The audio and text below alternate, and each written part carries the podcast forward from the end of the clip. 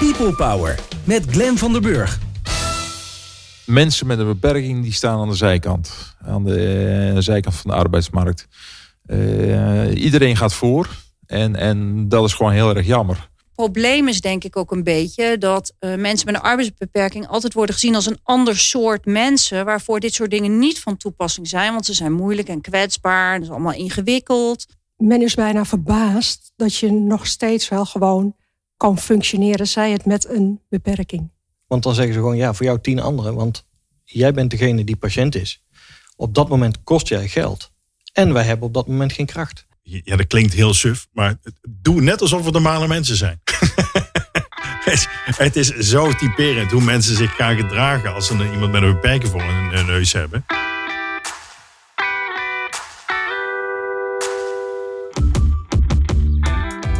Hoe belangrijk is werk voor jou? Voor mij heel belangrijk. En ik ben erachter gekomen dat het eigenlijk wel voor iedereen geldt. Ik heb heel veel gesprekken gevoerd met mensen met een beperking zonder baan. En de wil om te werken bij deze mensen is enorm. Terwijl het verdriet, als het niet lukt, zo mogelijk nog groter is. Alexander Rino voormalig voorzitter van de CER, noemde het ooit een verborgen onrecht. Zoveel mensen die wel willen werken, maar de toegang niet geboden krijgen. Ik ben Glenn van den Burg en je luistert naar People Power Inclusion. Een speciale reeks podcasts van People Power waarin we onderzoeken waarom mensen met een beperking nog steeds lastig aan een baan komen en waar het wel lukt. We gaan in verschillende regio's in Nederland in gesprek met werkgevers en talent met een beperking. En die ontmoeten elkaar bij Meet and Greet. Wat zijn hun verwachtingen, hun dromen, hun angsten en wat komt daarvan terecht? Hoe zit het ook alweer? Even wat cijfers. Er zijn in Nederland ongeveer 1,7 miljoen mensen met een arbeidshandicap. Voor hen is het vaak moeilijk om een baan te vinden. Vorig jaar gaf 50% van de Nederlandse werkgevers aan dat ze niet van plan zijn om mensen met een beperking aan te nemen. Werkgevers geven aan dat ze geen geschikte functies hebben voor arbeidsgehandicapten of niet over voldoende ervaring beschikken om de nodige aanpassingen te maken. Volgens mij vinden ze het gewoon eng. Weten ze niet hoe ze het aan moeten pakken? Zijn ze bang voor het extra werk? Durven ze het risico niet te nemen? En dus beginnen ze er maar niet aan. Herken je de twijfel? Waarom is het toch van belang om mensen met een arbeidsbeperking in je organisatie te hebben? Ik vraag het aan Aart van der Graag, boegbeeld en inspirator van de 125.000 banencampagne. Nou, dat was uh, aan het begin omdat er een, uh, een, een zou komen en je anders een boete zou kunnen krijgen. Maar dat is in de loop der jaren uh, flink geëvalueerd. En bedrijven die doen, die hebben de meerwaarde ontdekt. En die zien zelfs dat uh, productiviteit toeneemt, dat marktbereik kan toenemen, zelfs dat je winst toeneemt. En dat komt door dingen als meer samenhang binnen, lager ziekteverzuim.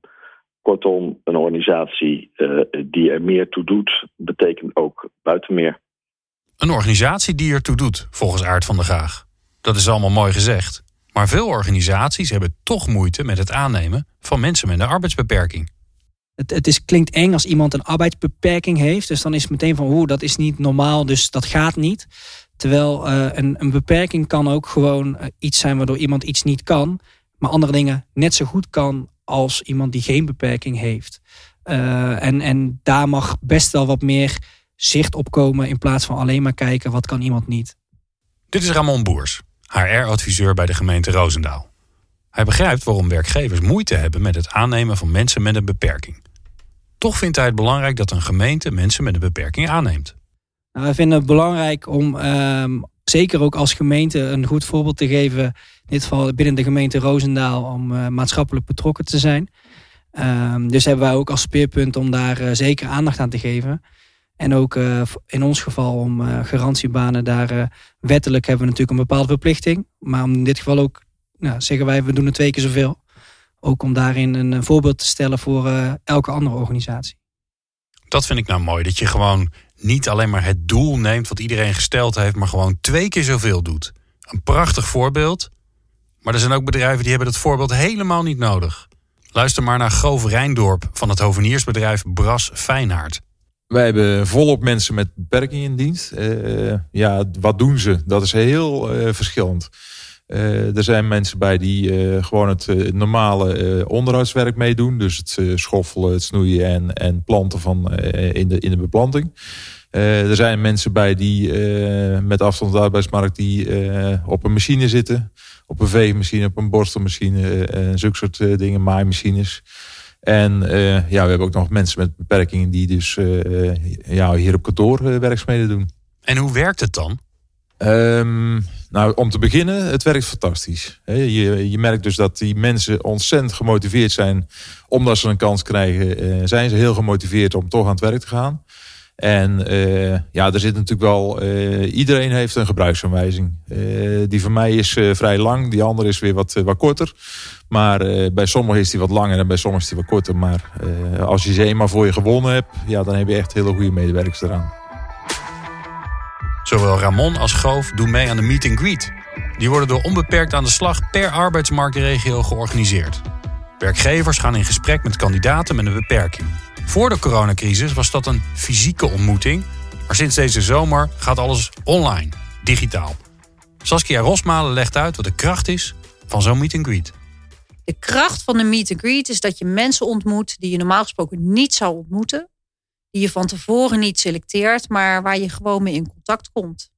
Zonder vooroordelen, zonder aannames. Gewoon praatje. Ja, mensen gaan met elkaar praten. Wat gebeurt er in dat gesprek?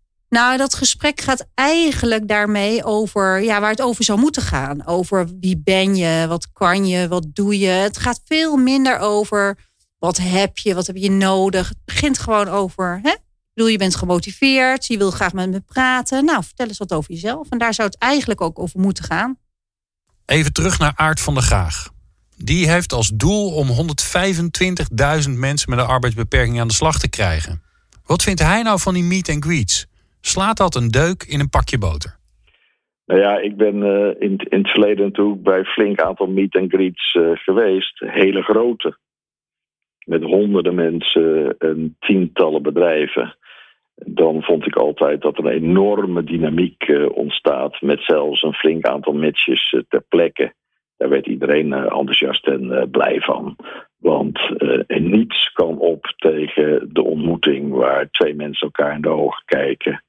En dan aan het eind van de rit verklaren dat ze het met elkaar gaan doen. In het bedrijf dan weliswaar. En ja, dat hebben we nu vervangen door een digitale uh, meet and greet. En ik moet zeggen dat ik digitaal uh, webinars en al dat soort dingen meer echt wel een verarming vind ten opzichte van wat, wat we vroeger hadden. Maar noodbreek wetten. En dan durf ik toch wel uh, te zeggen dat ook deze manier van één op één met elkaar kunnen werken een mooi alternatief is voor een aantal mensen zelfs ook een uitkomst als het geen coronatijd zou zijn. En als ik eerste resultaten hoor, dan word ik er goed blij van. Want in deze tijd komen tot, tot, tot meer dan 30% matches op zo'n, na, na, na zo'n evenement. Dat vind ik een topprestatie. 30% matches. Dus 30% van iedereen die daar komt, die, ja, die vindt een werkgever waar die mee aan de slag kan. Dat is, een top, dat is inderdaad echt een topprestatie. Maar daarmee ligt de lat wel behoorlijk hoog. En zal moeten blijken of bij de volgende meet and greet, en die is in West-Brabant, of het daar weer gehaald wordt. Ik vraag aan Ingemar Witberg, zij is adviseur werkgeversdiensten bij het UWV, waar de kansen liggen in West-Brabant. West-Brabant is een uh, mooie regio die tussen twee havens in ligt. Dus dan spreken we over Rotterdam en Antwerpen. En juist daarom is uh, West-Brabant uh, een regio waar logistiek en transport sectoren zijn waarin heel veel gebeurt. Van welke bedrijven heb je hoge verwachtingen? Oh, we hebben een aantal enorm leuke bedrijven ertussen zitten. Waar ik uh, bijzonder blij van ben, is, uh, is bijvoorbeeld de Praxis. Dus, dus dat is een hele toegankelijke werkgever, landelijk. Maar uh, ja, die zich regionaal ook zeker wil gaan inzetten om, ja, om onze doelgroep ook een kans te geven. Welke schieten er nog meer te binnen? Ja, Bras bijvoorbeeld uit Feyenaard. Mooie werkgever waar ik ook heel blij mee ben vanuit de gezondheidszorg is uh, Surplus. Er zijn uh, legio aan, aan schoonmaakinstellingen die, die zich ook aangemeld hebben. Nee, we hebben echt, het, hetgene waar ik heel trots op ben, is dat we zowel um, qua spreiding van de regio, hè, dus dan spreek je over van Berg op Zoom tot Breda, dat we ook nog eens een keer een enorme diversiteit aan sectoren hebben. Dus uh, ja, zeker. Ik ben wel blij met de groep die we hebben. Het enthousiasme van Ingemar Witberg maakte ons ook heel nieuwsgierig naar Bras Feyenoord. We hoorden eerder al directeur Goof Rijndorp. Waarom doet hij eigenlijk mee aan de meet and greet in West-Brabant? Ja, ons bedrijf, eh, ondanks de coronacrisis, eh, groeit eh, nog steeds. Dus eh, wat dat betreft zijn we heel erg eh, blij dat we nog mensen eh, kunnen gaan halen bij ons bedrijf. dat we die moeten gaan zoeken in, in die hoek. dat is misschien voor dit moment iets minder relevant. Maar ja, wat ik al zei, van het is uh, zo uh, ja, leuk voor die, mannen, voor die mensen om aan het werk te komen hier. Dat je zulke gemotiveerde mensen aan het werk gaat, gaat krijgen. En daarmee ook dus gewoon uh, de loyaliteit van die mensen naar je toe halen. Ja, dat is gewoon belangrijk. En dat, dat werkt fantastisch. Hoe zit dat bij Ramon Boers van de gemeente Roosendaal? Waarom is hij bij de meet and greet? nou, eigenlijk ook om, om eens op een andere manier in aanraking te komen met mensen die een afstand hebben tot de arbeidsmarkt. En die ook mogelijkheid te bieden om eventueel bij ons binnen de organisatie aan de slag te gaan. Ehm, dus eigenlijk ja, de mogelijkheid bieden voor een aantal kandidaten. Nou, volgens mij spreek ik morgen 16. Dus dat zijn er een hoop. En wat verwacht je van de gesprekken, Ramon? Ja, ik sta daar altijd heel open in. Ik, uh, ik vind dat voornamelijk vind ik belangrijk dat de ander de ruimte krijgt om zijn of haar verhaal te kunnen vertellen en wat hij graag wil. En uh, ik zit daar niet zozeer van ik wil dit of dit zien. Ik, uh, elk mens is uniek en neemt zijn eigen kwaliteiten mee. En dat wil ik in, ja, in, in die gesprekken naar voren zien te halen. En wat hoop je dat het oplevert? Uh, ik hoop uiteindelijk dat ik iedere kandidaat een stapje verder kan brengen. En ik kan niet iedere kandidaat een, een baan aanbieden. Dat gaat niet lukken. Maar ik hoop wel dat ik een ieder nou, zijn of haar verhaal kan horen. En vanuit daar een stapje op weg helpen. En als dat in dit geval is uh, om, om beter te kunnen solliciteren, ja, dan is dat ook al een stapje vooruit. En, en als het een, een eventueel een baan is, ja, dan is dat helemaal mooi. Uh, maar dat stapje vooruit is denk ik het allerbelangrijkste. Ja, volgens mij is dat wat werkgevers vaak nog vergeten. Dat ze het gevoel hebben dat ze gelijk een baan moeten aanbieden. Maar alleen al een goed sollicitatiegesprek en tips geven aan mensen die een baan zoeken met een beperking. Daar ben je eigenlijk al enorm goed op weg. We hebben twee uh, werkgevers met veel ervaring met het aannemen van mensen met een beperking gevraagd of ze tips hebben voor werkgevers die voor het eerst naar een meet and greet gaan. We vroegen het aan Sven Romkes van ABN AMRO en Pim Brouwer van Vodafone Ziggo. Uh, een tip voor werkgevers is uh, denk goed na over wat voor werk gaat iemand uitvoeren en wat heeft iemand nodig.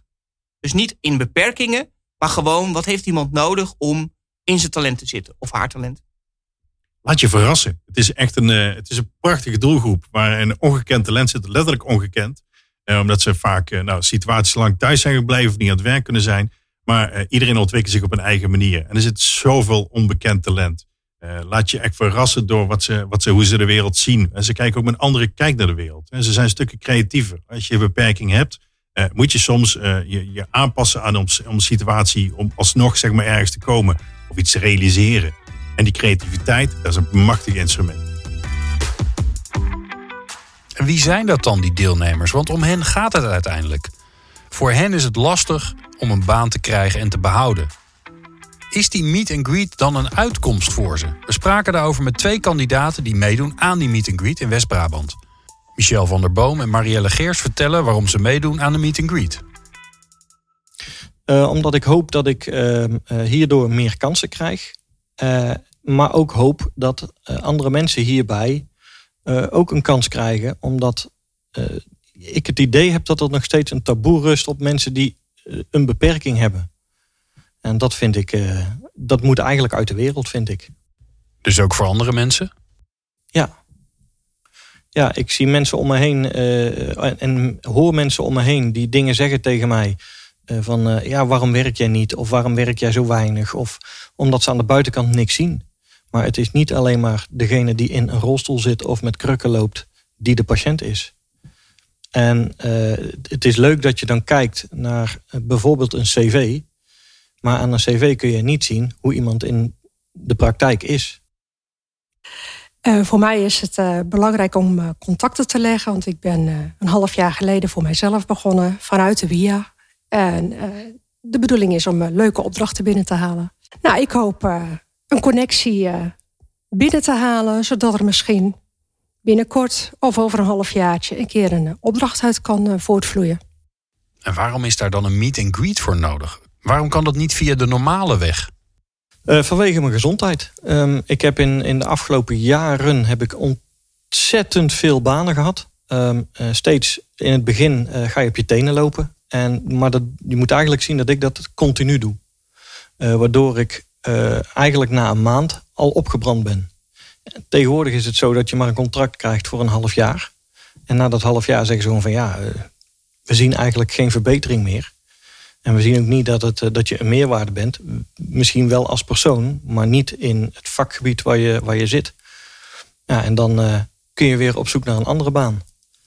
En dat, dat, dat was voor mij op een gegeven moment niet meer te doen. Toen had ik tien banen gehad. En, en ja, je loopt een keer ergens tegenaan en dan word je ziek. Ik ben dan uh, chronisch patiënt.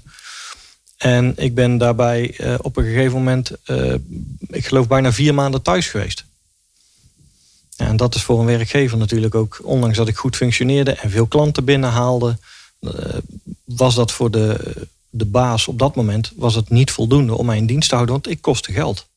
Nou, we kunnen wel concluderen dat het dus niet vanzelf gaat. Zowel bij de werkgever als bij de kandidaat is er iets extra's nodig. Laat daar nou iets voor bedacht zijn. De Social Impact Spits. Die werkt bij Onbeperkt aan de slag. En die bereiden de contacten voor tussen de werkgevers en de deelnemers van de meet and greet. Mark de Groot is zo'n impact spits.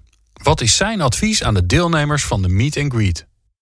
Nou, wat je juist moet vertellen is waar, voor welk werk en waar, je, waar jij energie krijgt als mens. Wat voor werk je zoekt. En uh, dat moet werk zijn waar je als mens gewoon energie van krijgt. Wat je leuk vindt om te doen, wat zijn je passies. En, uh, en dan dan komt de klik er vanzelf wel als, uh, als de werkgever ook ja, dat met je meevoelt. Dus de, de, ja, het doel van die gesprekken is natuurlijk ook kennis maken om te bezien of er een klik ontstaat tussen jou en die werkgever. Het gaat niet meteen direct naar uh, vacatures of wat dan ook. Nee, je moet eerst met elkaar kennis maken en, en zien dat er een klik ontstaat. Gaat die klik ontstaan voor Marielle en Michel tijdens de meet and greet in West-Brabant? Met wie gaan ze in gesprek? En wat verwachten ze eigenlijk van die gesprekken? Ik ga in gesprek met uh, Bras Feinaert.